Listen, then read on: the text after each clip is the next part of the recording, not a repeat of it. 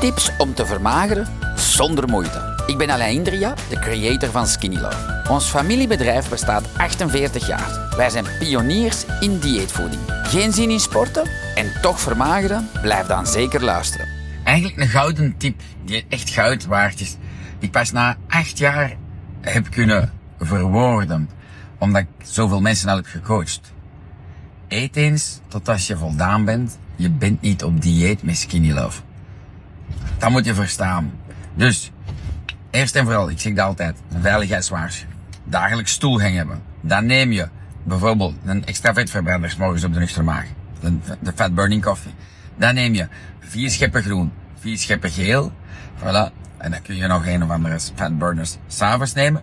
Maar, wat dan belangrijk is, eet zes keer per dag en eet tot als je voldaan bent. Als je deze doseringen van Skinny Love neemt. Hè. Als je daaronder zit, dan is het detox. Maar dat is ook goed. Of ben je bezig aan je darmflora terug gezond te maken. Maar weet dat, als je zegt, ja, ik ga in de afslankway, hè, dan is het die dosering. En dan is het eet tot als je voldaan bent. Ik weet dat heel veel mensen tegen mij zeggen, meneer, ik heb geen hongers morgens. Dat is niks. Als je daar ritme hebt, dan val je niet door de mand. Dus eet tot als je voldaan bent. Dat is de gouden tip. Je bent niet op dieet. Zo, met al deze informatie kunnen jullie zelf aan de slag gaan.